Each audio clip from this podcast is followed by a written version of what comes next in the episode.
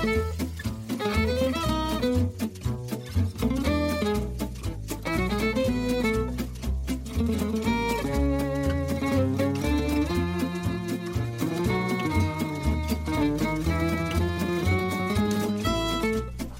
nærmer oss slutten av juni, og Musett er tilbake i øret ditt med en ny episode av prostrong.no sin podkast. Og eh, Simon Søtlitz Nesler, i dag er det én ting vi skal fokusere litt mer på enn eh, det som har skjedd andre steder i sykkelverden. Og hva er det? Nei, vi skal fokusere på Norge og eh, NM, eh, som eh, avholdes i, ja, i disse dager, egentlig. Litt eh, ganske spredd i år, da, ettersom det var litt problemer med å få arrangementet i havn eh, hos en arrangør. Eh, men vi har allerede hatt eh, gateritt, U23-fellesstart eh, til en viss grad, eh, og eh, lagtempo i dag, tirsdag. Eh, og så er det tempo og fellesstarter da senere i uka. Så mye å ta for seg der, Theis. Det er det absolutt, så vi, vi snur litt på det denne uka. Vi skal ha den internasjonale sykkeluka senere i eh, dagens episode. Og så får vi også selvfølgelig tatt uh, og delt ut et rødt startnummer og en rød lanterne helt til slutt. Så ikke vær bekymret for det. Så det er Theis og Simon som holder fortet i dag. Eh, Knut er eh, ikke til stede. Han, eh, kanskje han var involvert i U23-fellesstarten om å stå skolerett. Jeg vet ikke helt. Men vi kan jo begynne der, Simon, for det har jo vært en suppe av de helt sjeldne i norsk sykkelsport de siste årene, tror jeg. For de som har sovet litt under en stein, hva var det som skjedde med NM-fellesstarten i U23? Nei, det var jo rett og slett manglende sikkerhet. Det var biler som kom ut i løypene først to ganger hvor det ble nøytralisert begge gangene. Og så tok de inn eh, For det var først en lang runde de skulle sykle, og så inn i en kort runde. Eh, og så når de da beslutta at de kun skulle kjøre de korte rundene, så var det biler i løypa igjen, og da ble det rett og slett eh, stoppa. Så det ble ikke krona noen U23 norgesmester. og jeg tror vel aldri et U23-mesterskap i Norge har fått så mye oppmerksomhet, nesten uavhengig av idrett. Nei, har det noen gang, eh, har det noen gang skjedd at riksmediene eh, har brydd seg så veldig om U23-fellesstarten? Vanligvis er det jo vi som har enerett på det, men nå var det konkurranse fra alle. Nei, det, det hører nok virkelig sjeldenheten til. Det er nok eh, sykkelmedia og lokalaviser som egentlig bryr seg om eh, U23-NM i, i sykkel-NM. Men eh, i år ble det, ble det virkelig oppstyr, og det, det er det all grunn til, for det var rett og slett for dårlig. Det er ikke så mye mer jeg egentlig kan si enn det. Det, var, det er mange som har svikta i flere ledd der.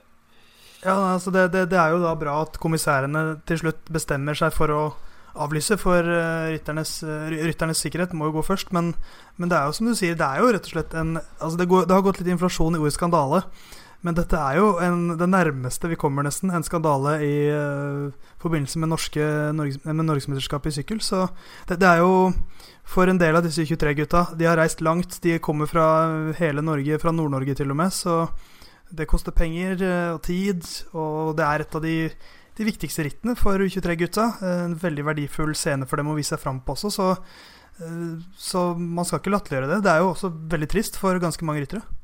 Ja, absolutt, og det det er jo litt av et voksende problem egentlig på det nivået i norsk sykkelsport at det er stadig flere ritt som ikke blir arrangert. eh, Det er mangel på vakter da, hovedsakelig, og da er jo selvfølgelig NM U23-fellesstarten utrolig viktig for å vise seg fram, spesielt inn mot eh, kontinentallag. Eh, og da er det veldig synd at, eh, at det blir avlyst. Rittprogrammet er skralt nok for klubbryttere for øyeblikket. Så er det sikkert mange av dem som skal sykle seniorrittet også på, på søndag, men det er jo en, en, en litt vanskeligere sted og en vanskeligere scene å skinne på for disse stakkars klubbrytterne som, eh, som er unge og, og ikke skal levere på det nivået enda, så veldig synd. Og, og som du var innom, mange ledd som har svikta her. Eh, Men det er jo forbundet til slutt som må, eh, må gå god for det, den arrangøren de har gått god for. Ja, altså litt kan du jo si at Rye skal for all del ha honnør for at de tok på seg arrangementet, for det var jo Det har jo vært store problemer med å få et fullt NM i år, og det er jo derfor det er så spredd som det er. Eh, så sånn sett skal de ha honnør for at de sa seg villige til å, til å arrangere et ritt, men når de først gjorde det, så ble det jo gjort på en altfor dårlig måte. Det, det rett og slett sikkerheten var ikke på et uh, nivå som er levelig. Uh, for all del de, de, ble ingen særlig farlige situasjoner, men uh, du kan selvfølgelig ikke ha masse møtende biler og busser i løypa. Det, det, er ikke, det er ikke godt nok på et, for et ritt på, på dette nivået. det har vært en del snakk om at, at det var vaktene, vakter sto der, men at bilene rett og slett ignorert uh, de, og det er selvfølgelig veldig synd, men ja. Det det er, bare, det er bare synd at det gikk som det gikk med, med det arrangementet. Det er uh, vanskelig å være uenig der, men, men hva skjer med mestertrøya nå, da? Torjus Lehen som uh, regjerende mester, uh, får han bare sykle med den et år til? Eller må vi finne en annen måte å løse det her på? Nå er jeg svært usikker på, på reglene der, så godt mulig, kanskje. Nei, vi får, får se litt En mulig løsning er jo å, at beste U23-rytter på søndag uh, får trøya, men uh, det har vel blitt I hvert fall vår redaktør Jarle Fredagsvik skrev jo i en artikkel etter, etter kaos på søndag at det neppe var en en løsning som en ville gå for. Så får vi se. Det beste hadde jo vært om det kom et eget U23-mesterskap i løpet av høsten en gang. Det er jo litt sånn eh, Det italienske eh, mesterskapet har det også vært litt sånn trøbbel med de siste årene. Eh, tempomesterskapet i fjor de, de, hadde vel landeveisrittet som vanlig i juli, men, nei, juni, men, men tempomesterskapet i Italia i fjor ble vel De, de sleit med å finne arrangører, så ble det arrangert i oktober. Så, så, de fikk gjort det til slutt, men da ble det jo samme mann som vant, så det ble jo ingen endring sånn med, med at Gianni Moscon bare beholdt sin trøye. Men, men, når Italia gjør det med sitt senior temporitt, så kan vel vi uh, få til et andre forsøk med, med vårt U23-ritt. Men det er jo spørsmål å finne arrangør. Det er jo litt urovekkende, syns jeg, at, at, det er blitt et sånt lappeteppe av et NM. Ja, det er absolutt ikke bra. Tyskland er et annet land som ofte sliter litt med å å få arrangert uh, nasjonalmesterskap, så vidt jeg har lest av uh, mine tyske følgere, eller tyske personer jeg følger på Twitter. Uh, så det er nok litt sånn det er, at det er ofte vanskelig å, å, få, å, få, få, til. Men selvfølgelig et mesterskap sånn som vi har i år, det, det er ikke det en ønsker. Det, det blir altfor spredt, for det første. Det gjør at en ikke får, får ikke noen NM-stemning, føler jeg. Det, er sånn Litt der, litt der, litt der. Og det føles ut som uh, veldig mange separate arrangementer framfor ett et enkelt arrangement som en jo ønsker at NM i større grad skal være. Så en kan bare håpe at, uh, at, at det er et engangstilfelle, og at en har uh, At en får det skikkelig på orden igjen de neste årene. Men det er klart det, det skal bli vanskelig, det. Jeg er Carl Fredrik Hagen, syklist på Lottesodal, og du hører nå på podkasten Musett. Men noen sykkelritt har vi heldigvis fått eh, arrangert i eh, NM. I Askim så gikk eh, gaterittet av Ikke av stabelen, men det gikk. hos kvinnene, Ingvild Gåsjen stakk av fra Vibeke Lystad og fra Grimstad sykkelklubb mot slutten, og tok gullet der for Horten og Hightech. Pernille Fellmann tok eh, bronsen for high-tech, og Stavanger vant spurten i feltet. Hos, eh, hos kvinnene, eh, veldig godt kjørt av, av Ingvild Gåskjen, mens hos gutta så var det Uno X-show eh, fra start til slutt. Jonas Iversby Widerberg fikk, eh, ikke fikk, han klarte å gå alene mot slutten. Eh, tok gull foran Anders Bekken, som tok sølv for Tønsberg, og Martin Bugge Urianstad, som tok bronsen for Uno Uh, skal ikke dvele for lenge ved gaterittet, Simon, men uh, hos gutta uh, Kampen om sølvmedaljen. Hva skal vi si om den? Uh, var vel ikke verdens reneste spurt, er vel mulig å si. Jeg syns det må være lov å si. Uh, det var Anders Bekken der som Han, han er klubbryter, tok sølv. Det er veldig sterkt, men han spurtet ikke rett på det oppløpet i Askim. Det var ikke lett for uh, Bugger Janstad å komme seg rundt, så jeg skjønner at han var litt forbanna etter målgangen der. Ja, jeg skjønner det godt. Den var Den var litt, den var litt på kanten. Men Uno X tok jo gullet, så da var det vel var det vel på en måte greit, men jeg tror nok det hadde blitt en protest om det var kampen om uh, gullet og ikke, og ikke sølvet bak en Uno X-rytter. Det er et godt poeng, men, det, men de benyttet seg godt av overtallet sitt der, UnoX. De angrep og angrep og angrep mot, uh, i, i, de siste avgjørende rundene, så veldig godt kjørt som et lag, i hvert fall. Uh, og apropos lag i Vestby, så var det lagtempo-NM. Det arrangementet gikk Det var sikkert litt høye skuldre etter, etter fadesen med, med U23-rittet at det, det, rittet skulle gå knirkefritt, og det gjorde det også. Eh, så vidt vi vet, så var det ingen eh, Ikke noe dramatikk eller noe, noe, no, noe styr med det arrangementet. Um, vi kan jo begynne med, med kvinnene, der et veldig sterkt Asker-lag tok gull foran Seko Victoria og Halden. Asker da med Line Marie Gulliksen, Emma Kristine Skjærstad og Mie Bjørndal Ottestad. 1,41 uh, vant i ASA Uh, og det er ganske bra på 36 km tempo. Ja, uh, absolutt det. Eh, jeg skrev en sak på, på mandag om at eh, Frøy hadde kalt inn en ekstra løypevakter etter, etter søndagen.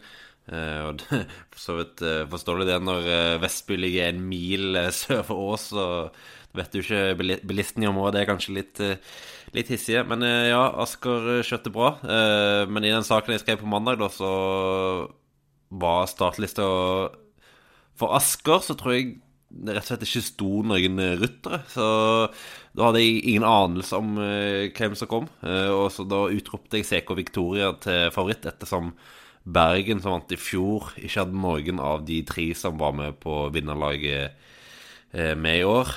men ja, med Gulliksen og Kjærstad på laget, så, så ja, da var Asker egentlig ganske en klar favoritt foran veteranlaget til CK Victoria. Og tok det jo egentlig som forventa ganske greit når de først hadde, hadde såpass bra lag eh, på start. Ja, De økte fra start til slutt i uværet i Vestby. CK Victoria der med Camilla Hornemann, Ingrid Lårvik og Monica Storhaug. Eh, og så var det Elise Marie Olsen, Ann Helene Olsen og Emilie Moberg som var 2-0-1 bak og tok bronsen for Halden. Eh, hos gutta da, så ble det litt jevnere, eh, men det ble til slutt seier til Ringerike eh, foran Tønsberg. Eh, og IK Hero tok bronsen. Men eh, Ringerike, som vant i fjor, de var vel kanskje favoritt. Men det kunne fort blitt mye jevnere enn det det ble, Simon.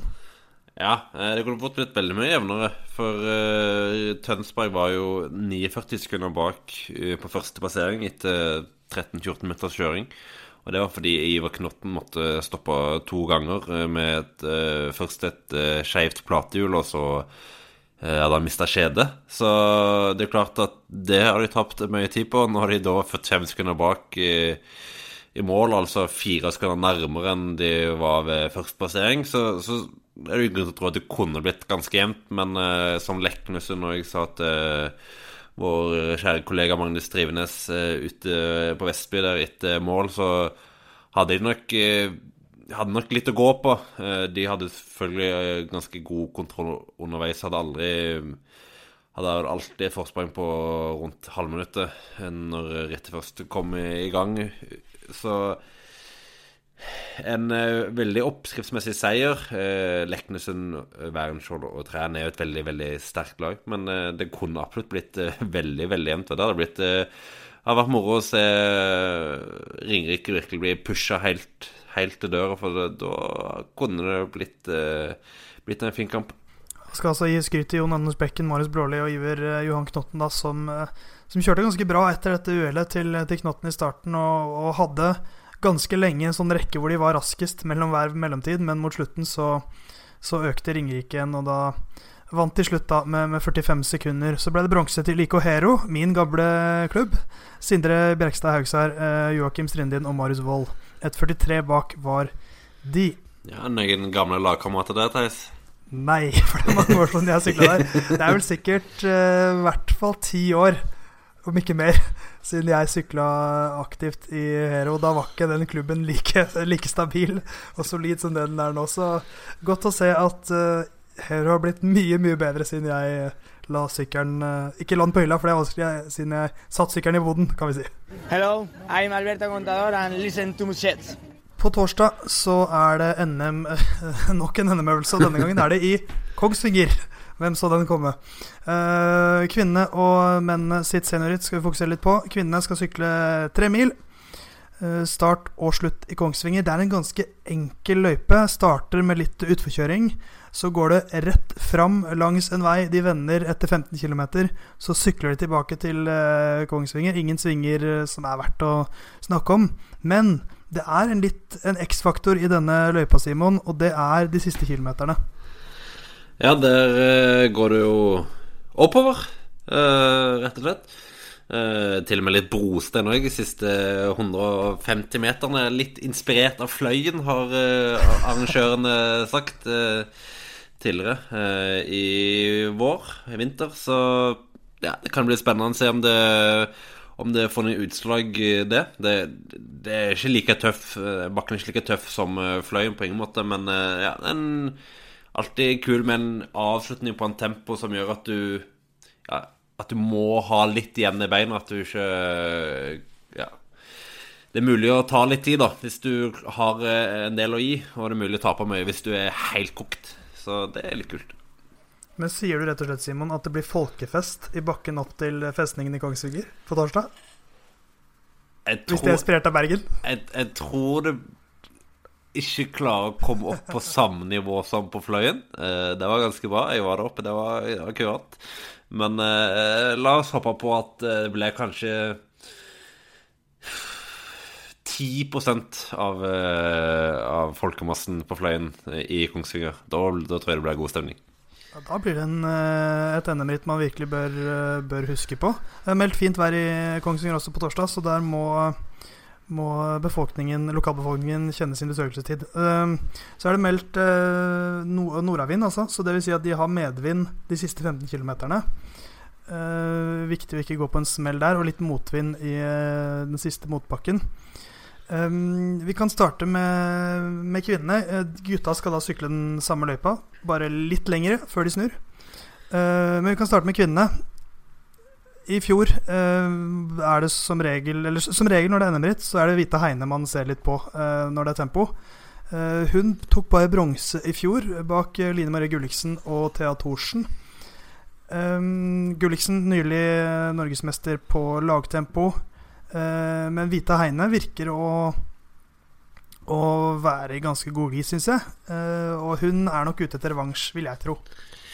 Ja, det, det, er jo de to det handler om. Eh, det er vel egentlig ingen andre som skal ha som en mulighet til å, til å blande seg inn. Uh, men ja Jeg tror det blir en god kamp. Gulliksen har jo vært veldig god på, blitt veldig god på tempo de siste, siste, siste, årene, så jeg tror kanskje hun, hun får lite favorittstempel, men jeg tror òg, som du sier, at Heine er på et litt høyere nivå i år enn det hun var i fjor, hvor det var ikke helt fullklaff på, på formen. Så jeg tror det blir ganske jevnt, og det liker vi jo. Så er spørsmålet denne siste bakken, da. Hvem, det, hvem som er best tjent på det. Eh, Heine har jo vist bra trøkk i, i, litt kortere bakker den siste tiden. Så er spørsmålet hvordan man skal disponere rittet. da eh, For det er, jo, det er, jo, tre mil, og, denne, og, det er mye lettkjørt. Så hvis du har bra trøkk og ligger bra på temposykkelen, så er det også en stor fordel. Du må ikke spare deg til fant her og, og spare alle kreftene til denne korte bakken til slutt. Nei, det, det tror jeg ikke du skal gjøre, for det blir ja, du kan tape litt, men det, du taper ikke ett minutt opp der hvis du er helt kjørt. Altså det, det, er litt begrensa hvor mye du kan tape. Så bakken i seg sjøl er jo fordel Heine, som er bedre i bakker enn en Gulliksen. Uh, det kan være det som vipper det i hennes favør. Vi får se. Uh, vi kan gå over til gutta. De skal som sagt sykle fem mil. Så da blir jo denne bakken en en enda mindre faktor, på en måte, siden den utgjør en mindre del av løypa. Og, og de sykler også en veldig enkel løype. Det er fem mil eh, hvor 25 går mot nord og 25 mot sør. Um, I fjor så ble det jo veldig spennende i, eh, i Sandefjord hos eh, gutta. Da var det Andreas Leknesund som eh, føler det var da han virkelig presenterte seg for, for det norske sykkelpublikum, bortsett fra nerdene, da. Eh, For det var, det var jo et, eh, et gjennombrudd for han å være syv sekunder bak Edvald Baasen Hagen.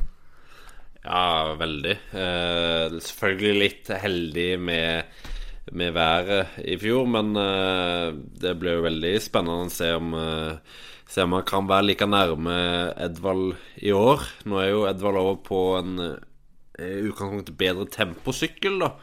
Men Leknesund har sett veldig, veldig bra ut på, på temposykkel, han òg, så langt i år, så jeg tror det er jeg tror det ble en, eh, en kul fight. Det hadde vært veldig veldig kult om uh, Leknesund hadde klart å vippe ned uh, Boasen Hagen fra den tempotronen som han jo har hatt mer eller mindre sammenheng nå i Det er vel i over ti år, ti år utenom uh, et par uh, Et par innhogg fra Redda Borgersen. Så hadde vært, uh, hadde vært virkelig kult om Lekensund skulle klart å, å ta det.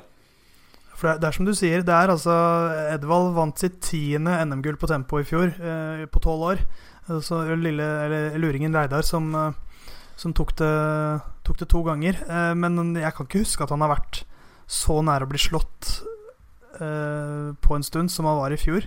Og så er det dette aspektet med at Leknesund er et år eldre. eh, sannsynligvis da et år bedre. Eh, men løypa i Sandefjord var litt mer teknisk krevende.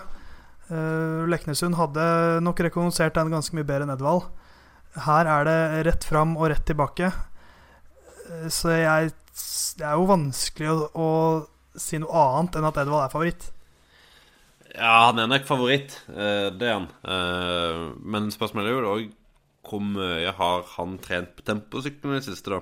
For det virker som eh, Leknesund har trent ganske mye i tempo. Mange av UnoX-rytterne har tilsynelatende trent ganske mye tempo i siste dagene og ukene, så jeg tror nok det er mange som har trent mye mer spesifikt på tempo enn Edvald.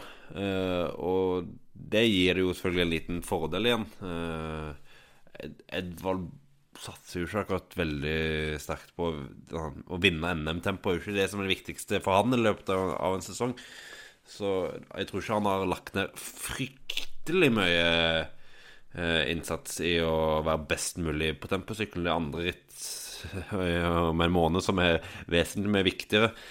Så det skal Edvald er favoritt, men uh, jeg tror ikke han er Han er ikke overveldende favoritt som han har vært uh, tidligere. Det, det er mange som på en god dag kan være ganske, ganske nær han, tror jeg. Vi krysser fingrene for et, eh, et spennende temporitt. Det er kanskje de to vi ser på som de største favorittene. da. Skjerping tok bronsen i fjor. Han har fokusert mer og mer på tempo de siste årene. Tobias Foss skal sykle. Amund Grøndal Jansen skal sykle. Eh, hvem andre tror du kan blande seg eh, i eh, kampen om, om bronsen, da, hvis vi skal si at Edvald og Andreas Leknesund tar de to første plassene? Jeg har litt tro på Steinar Eriksen, da. Uh, han tror jeg blir uh, bra med. Uh, har vært bra i tempoer i norske ritt så langt i år, på nasjonalt nivå. Og og ja. Jeg vurderer han som i hvert fall topp fem på en eh, sånn normal dag for øyeblikket, så jeg tror han eh, kan eh, få seg litt gjennombrudd med en bronsemedalje på, på torsdag. Eh, og så tror jeg jeg altså, Sånn som du sier, Foss i Om han er tilbake i toppform, så hadde han vært eh, veldig høyt oppe men spørsmålet er litt hvordan den formen hans er han har vært litt sjuk. Eh, og eh, Vi så jo i fredsrittet at det var Leknesen som var ganske klar kaptein der, men nå har han fått enda litt mer tid på seg og er kanskje nærmere en en toppform. Og hvis han er i toppform, så har jo han kjørt veldig bra på tempo så langt i år. Det er gøy med tempo, men eh, det er jo ett ritt som eh, henger høyest, og det er fellesstarten. Sykles nå til eh, søndag. Og eh, ja, hva skal vi si om, om løypa, eh, Simon, som er lagt til, til Røyse i Hole kommune? Hva, Ja, det- Kan ikke du ta oss gjennom den? Ja, det er i hvert fall kjent terreng da for, for Sykkel-Norge generelt. Det er jo her med løypa i Eller Ringerike Grand Prix går forbi her. Vi kjørte her i Torf Norway på siste etappen. eh, forbi Nå kjørte vi vel forbi mye, mye av det som faktisk er NM-løypa. Eh, så de fleste som kom, i hvert fall på herresida, kjenner den løypa ganske godt. Eh, det er veier de har sykla mange ganger før. Det er Eh, Selve rundløypa da, som da skal kjøres, er på rundt eh, 15 km, blir det vel. Eh, og 14-15 km. og eh, går litt sånn eh, litt opp og ned. Har en bakke på 1 km på 7 i midten. Og så litt eh, slakt oppover mot mål òg. Eh, ganske mange høydemeter da i herrenes ritt, som altså er på 204 km, og rundt Flamme Rouge sier 3185 høydemeter, mens eh, med en annen artikkel her eh, fra arrangøren sjøl, holdt på å si, eh, med Big Hongerholt, som sa 3,5. Eh, men altså ganske, ganske mange høydemeter, da. Men eh, jeg hørte òg på Sykkelpodden med Vegard Stake Langen som gjest nå i før i dag, og han meldte at eh, løypa var mye enklere enn han forventa. Altså mye enklere enn drøyt 3000 høydemeter skulle tilsvare, for det skal visstnok være ganske eh, Eller det er ganske enkle veier, det er lite teknisk, eh, og bakken er ikke så bratte, det er mer slakt. Så det bør gjøre at det er mulig å kontrollere med større grad. En får ikke det store strekket på feltet gjennom alle, alle mulige eh, småsvinger innad i, byer, som en ofte får ellers i et NM-ritt. Så ja, skal vi tro på det, så eh, lukter det kanskje en uh, spurt slash eh, sterkt brudd. Ja, det er, det er jo alltid fascinerende med sånne løyper som skal sykles én gang, syns jeg. Det er jo sånn ofte med, med VM, syns jeg, at man får løypa ofte sånn i starten av året, og så sier man at det er en vanvittig hard løype, og vi har ikke sjans, nordmenn har ikke sjans. Og så kommer vi til jo, jo nærmere vi kommer da mesterskapet, jo større blir sjansene til Kristoff. Eh, Løypa blir lettere og lettere, og dagen før så er det ikke måte på hvor lett den løypa er. Så, men så vet man jo ingenting før rytterne sykler rittet, og og man aner ikke hva som er de kritiske punktene osv. Så, videre, så det er alltid gøy med det, det er jo det som jeg syns er det beste med VM, at det er så uforutsigbart. Og det er jo litt sånn med, med, VM, nei, med NM også. Selv om uh, rytterne kanskje kjenner uh, området de sykler i, så er det en løype her som er, er helt ny. Men vi kan jo begynne med, med damerittet. Vita Heine tatt tre på rad. Uh, klarer hun fire? Det, det, det, pleier jo ofte å bli slik i, i, i kvinnerittet at det er high-tech mot, mot proffene mot resten. Eller high-tech mot utenlandsproffene mot resten. Ja um, Hun har jo gode sjanser, da. Uh, I kvinnerittet så kommer en type den bakken på en kilometer, 7 den kommer til å skille en del. Uh, og hun er jo utvilsomt en av våre beste syklister i motbakker. Uh, så spørs litt om Katrine Aalerud rekker, rekker start. Hun har vært litt uh, usikkerhet etter at hun knesa pop i Torf, nei, Women's Tour i, i Storbritannia. Men uh, det virker som om hun kommer rekkestart, og da har, i vi i hvert fall en som følger henne i bakkene ganske greit normalt sett. Men eh, klart, high-tech det det, det er skuffende på high-tech om de ikke vinner. Så enkelt kan man vel egentlig si det. Eh, Og Heine er jo den mest opplagte kandidaten til å vinne, all den tid hun har gjort det ganske mange ganger før. Men eh, jeg tror nok eh, det skal bli ganske tøft for de tøffere enn eh, vanlig. Vi har en Stine Borgli som har sett veldig bra ut så langt i år. Eh, Og hun får nok eh, god støtte fra fra CK Victoria. Det pleier å være ganske bra representert, de òg. Eh, og så har du òg Susanne Andersen og Virtu da med Moberg og Aalerud. Eh, så skal nok bli tøffere for uh, high-tech enn har vært på, på flere år å ta den uh, tittelen. de En tittel som eh, det kun er flaut for de om de ikke tar, men som er forventa at de skal ta. Så det er litt en eh, De kan nesten ikke vinne.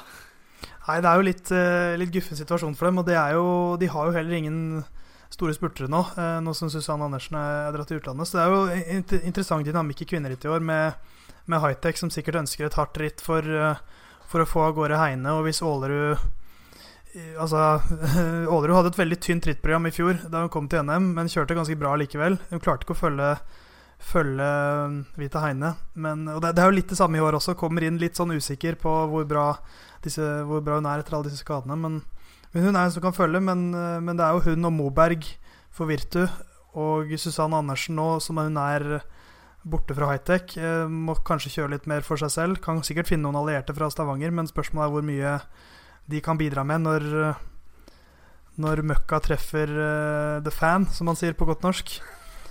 Uh, så, så, så, jeg syns det er en interessant dynamikk der. Uh, hvordan kan Susanne gjøre det best her, tror du? Hun klarer ikke å gå etter Vita i den bakken. Eller klarer hun det? Nja, vanskelig å si. Uh, han er jo ikke lenger enn at hun på ren eksplosivitet kan henge med eh, ganske mye av bakken, i hvert fall. Uh, men uh, ja, det er litt vanskelig, fordi kvinneritt blir jo ofte Det er mye mindre felt enn man har på vanlige dameritt eller, og i herreritt generelt i NM. Så det gjør jo at det blir litt mer sånn at du må kjøre ganske offensivt, da. For du, du kan ikke sitte bak og vente. Det er ganske håpløst. Eh, og i hvert fall når Susanne da er mer eller mindre alene. Så jeg håper at for hennes del at hun er ganske offensiv fra start, og, og, og så blir det litt sånn eh, kvinne mot kvinne mot, eh, mot slutten, vil jeg tro. Det har ofte vært litt sånn den sterkestes rett i, i NM de siste årene. Heine vant jo med tre minutter vel i fjor, enda mer, foran Susanne Andersen. Så året før der igjen var det vel ganske jevnt mellom Heine og, og Ålerud. Men, uh, men uh, vi får se. Eh, vi har vel Heine som favoritt, men uh, det er jo nok av ryttere her som kan utfordre. Jeg ser, mitt vinnertips er Stine Borgli. Jeg er Carl Fredrik Hagen, syklist på Lotte Sodal, og du hører nå på podkasten Musett. Atskillig større felt hos gutta må kunne si at det også er flere ryttere vi kan si potensielt kan vinne også. Eh, de to siste årene så har det vært eh, litt spesielle NM-ritt hvor de, aller største favorittene, altså eh, Alexander Kristoff og Edvald Baasen Hagen, har vært satt ut av spill før medaljene skal deles ut. Rasmus Tiller vant jo i 2017 foran Svein Bystrøm og Bjørnar Vevatne Øverland. Mens i fjor var det Vegard Stakke Laengen som vant foran Rasmus Tiller og Christian Aasvold. Um, så vi kan vel si at det taktiske er enda viktigere hos seniorgutta. Eh, for her er det så mange aktører også som kan påvirke rittet. Ja, det taktiske er jo veldig, veldig viktig, og det ble veldig spennende å se nå i år som UnoX har økt bredden sin i både antall og uh, rent styrkemessig. Nå stiller de vel med det er vel da 15-16 ryttere. Og klart, da har du mange kort du kan spille ut. Så der kommer det jo til å bli angrep fra første stund, vil jeg anta. For de har jo heller ingen spurter som de kan eh, stole på hvis du skal komme mot, mot uh, Alex og, og Båsen og uh, andre gode spurtere. Så UnoX kommer jo til å angripe det rittet her på en voldsom måte. Uh, og så har du da Joker, som er litt Litt, litt usikker på de nå, altså. Ja, hva er det beste for de, egentlig? Det, det er selvfølgelig De bør, må jo være med når UnoX kjører opp, men uh, Men uh, går de i et brudd, så vil de sannsynligvis være i undertall uansett. Så det blir en vanskelig situasjon. Og så har du Coop, da, som sannsynligvis vil uh, gjøre som tidligere og samarbeide med med Kristoff. Eh, og da får de òg med seg eh, Bystrøm og Stake Lagen. Så da begynner de òg å få litt eh, Litt eh, bredde og ja, ganske mye styrke i toppene, når du da legger inn eh, Tronsen og Åsvold, blant annet. Så Eh, det blir taktikk i NM-fellesstart er alltid fryktelig viktig på herresiden. For det, de kontinentallagene er så store nå at uh, det er nytteløst å være en enslig proff, med mindre du er på, virkelig på alerten med en gang. Altså, det Dynamikken i et sånt ritt er alltid fryktelig spennende å se på, for der er det, der er det mye føringer som ligger, og det er en ja, du skal jobbe som sportsdirektør eh, bra for å legge den eh, skikkelige slagpannen som, eh, som, går inn. Ja, sånn var det jo eh, både i fjor og året før, at det var eh, store grupper med primært kontinentalryttere som slapp av gårde, også et par proffer. I hvert fall i, i 2017 så var det et par proffer, mens i, i, fjor var det jo egentlig bare Stakan som hang med helt, helt inn. Han klarte å avgjøre det i kamp mot en haug med Coop og Uno X og, og Joker-ryttere, men men jeg er veldig spent på UNX. Altså, som du sier, de, de ser enda bedre ut i år. Eh, jeg, og, de, og, de, og, de, kommer ikke til å kjøre sånn som uh, vi, vi, har sett Groupama efter sjø og sånt kjøre i det franske mesterskapet, hvor de har 25 mann som trekker opp Arno Demar. Uh, og 17 mann fra Cofidis som trekker opp Nasser Bohani. Uh, de har jo ingen stor spurter nå, så de kommer jo til å sette fyr på det der. Det er jeg helt sikker på. Og så har de Altså Måten de kjørte på i Tour Norway også, det var jo aldeles strålende. Eh, så har de Leknesund i god form. De har Anders Skorseth, som eh, jeg syns er veldig spennende, hvis han kommer og går i det rette bruddet. Så eh, det er så mange potensielle vinnere nå at de skal få kjørt seg, Kristoff og Boasson Hagen nå, altså for å, for å få samla dette. For jeg vil tro at Kristoff sitter nok og håper på en spurt ja, som han har gjort mange år de siste årene nå. ja, han, eh, han, vinner jo ikke NM i en spurt. Det har jo historien vist. Han må komme seg i brudd. Men uh, klart, han uh, Han må jo kjøre for det, og så må han heller la Coop og Bystrøm og Stakelaringen stå for angrepene, og så kan de spille på Kristoff. Det er jo sånn dynamikken uh, på papiret bør være. Men jeg er veldig spent på, på hvordan Eh, hvem UnoX X på en måte virkelig satser for, da. For uh, du kan jo sende ut mange ryttere, men det er jo selvfølgelig noen som er viktigere enn andre. Og så, ja Om Coop Det hadde vært litt kult om Coop hadde bestemt seg for kun taue.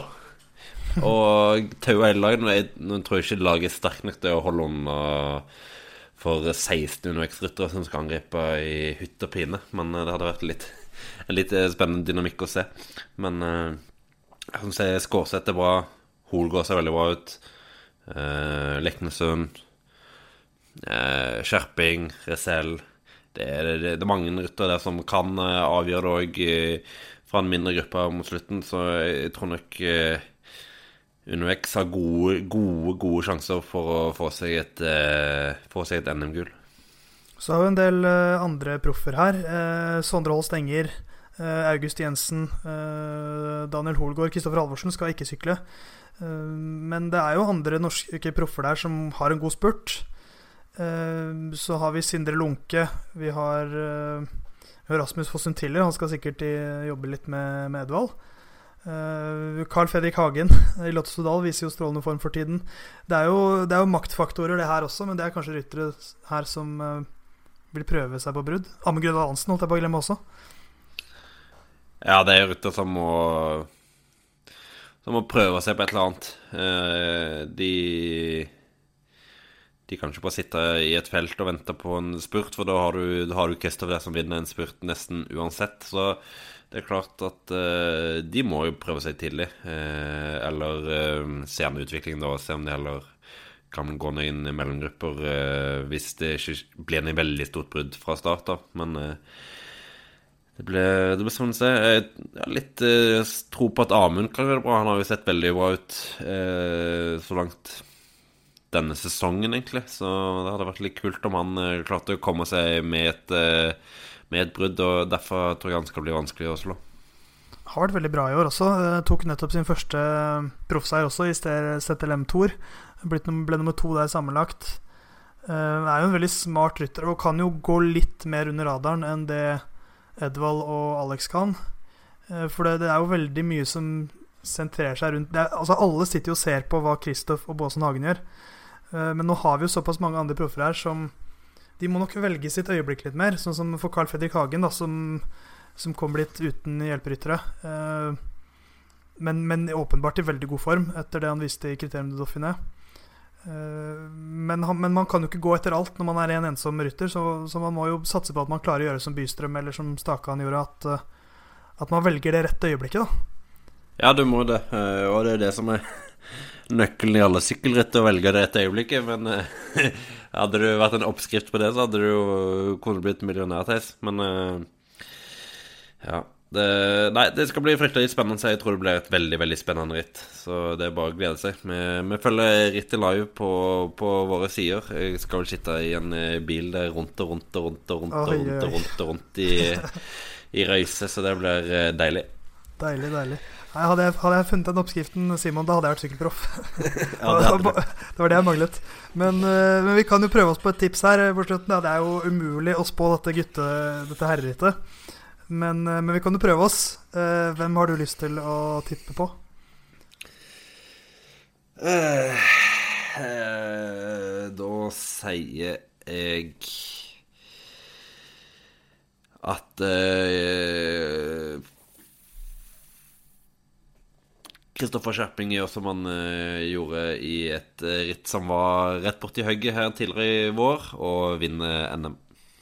Det er et uh, ganske sexy tips, syns jeg. Det, det jeg, jeg, vet ikke om jeg skal være like spennende. Jeg syns det bare stinker Edvald Baasen Hagen det rittet her. Jeg vet ikke hvorfor. Jeg bare har det utrolig på magefølelsen. Det, det blir som Vi prata litt om det før vi, vi spiller inn nå, at litt som i Bodø tror jeg det kommer til å bli. At, uh, at, det er i ferd med å samle seg til, til, spurt, men så er det Edvald som er i Tour de France-form. Uh, og så glir han av gårde på et angrep, og så er ikke Bystrøm helt sterk nok til å følge Edvald, og så blir det sølv til Kristoff i år igjen, bak Edvald Båsenhagen. Ja, den er ikke dum, den, for det er en, det er en liten bakke med, med tre kilometer inn, så er det en bakke som er ja, relativt lang. Så det er ikke noe dumt tips. Det er en perfekt eh, bakke for Edvald å angripe. Er jo sånn to-tre kilometers angrep er jo Edvald veldig, veldig god på. Så ja, du skal få lov til å holde han som favoritt. Da vet du hvor du må være på alerten, Alex.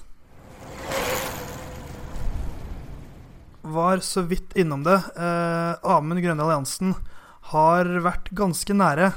Men eh, i ZLM Tour så kom endelig eh, hans første proffseier, Simon. Det har vi venta på. Ja, det tror jeg han har venta lenge på. jeg tror det var veldig, veldig godt å endelig måtte vite at nå får han aldri det spørsmålet igjen. Når skal du ta din første proffseier? Så nå, nå, begynner vel maset om når skal ta sin første World Tour-seier, da. Men uh, ja, det er veldig gledelig for, uh, for Amund. Riktignok en litt sånn rotete seier hvor de fikk beskjed bare kun et par kilometer fra mål at uh, det er målgang rett opp i veien her.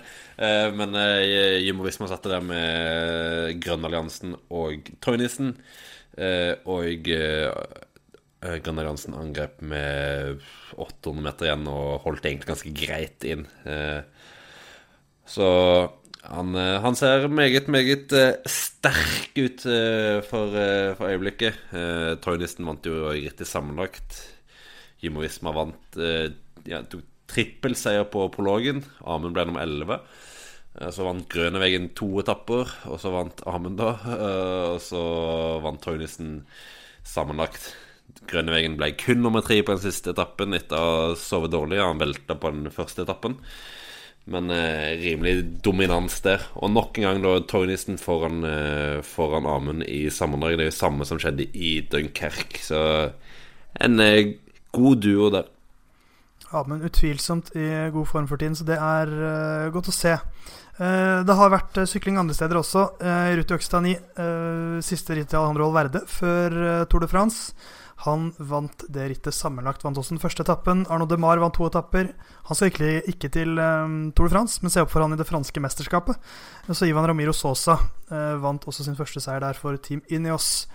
men Simon, du er jo en mann som har vært på ferie i det siste. Men du er aldri helt på ferie.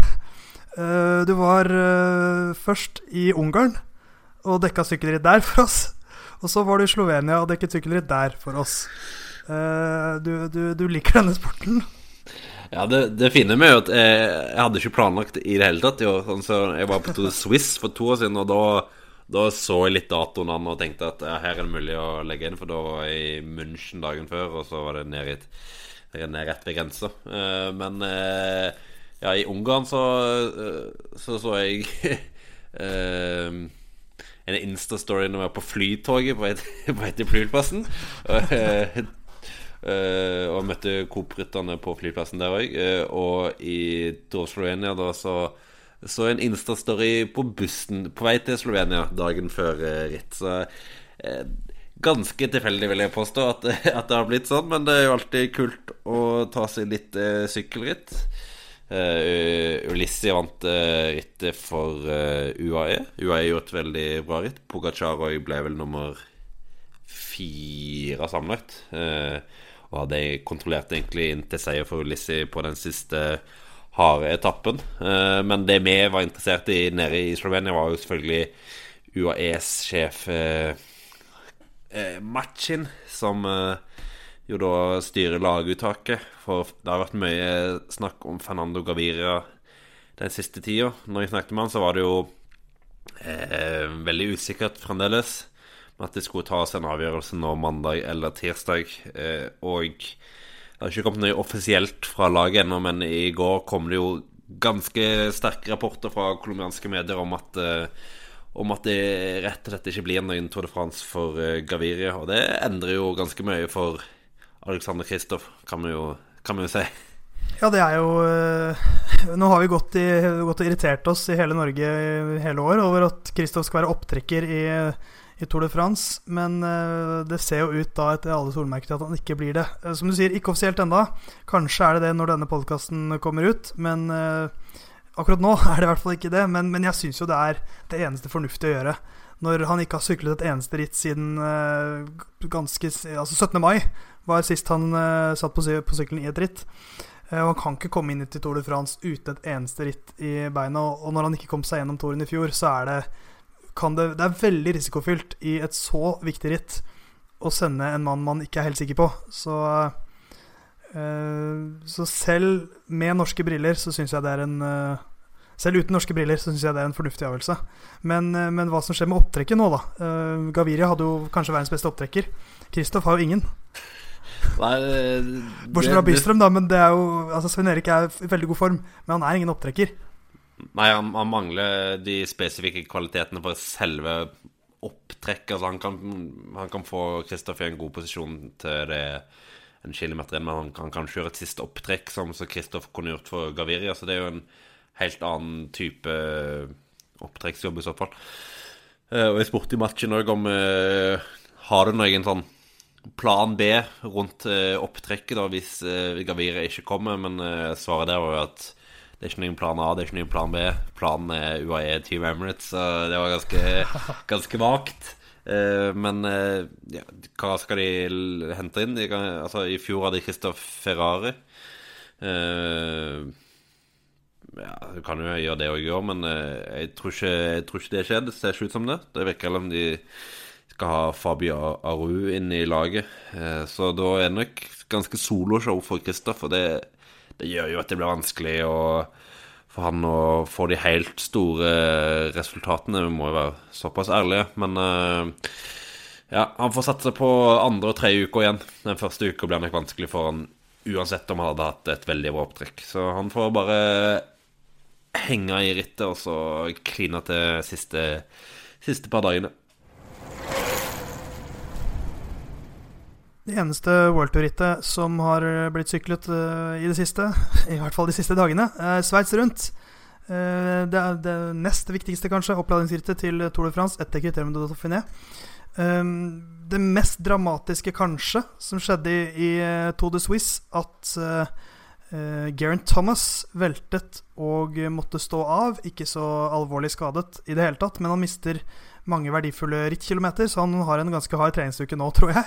For å kompensere litt for det, Uh, så tror jeg nok han kommer til å være i brukbar form i Tour de France uansett. Men uh, Egan Bernal vant sammenlagt foran Rohan Dennis. Patrick Conrad ble nummer tre. Men jeg må si, Simon, både kriterium de Dauphiné og Sveits rundt Gøy med Bernal som vinner, gøy med Fuglesang som vinner, men som sykkelritt litt skuffende.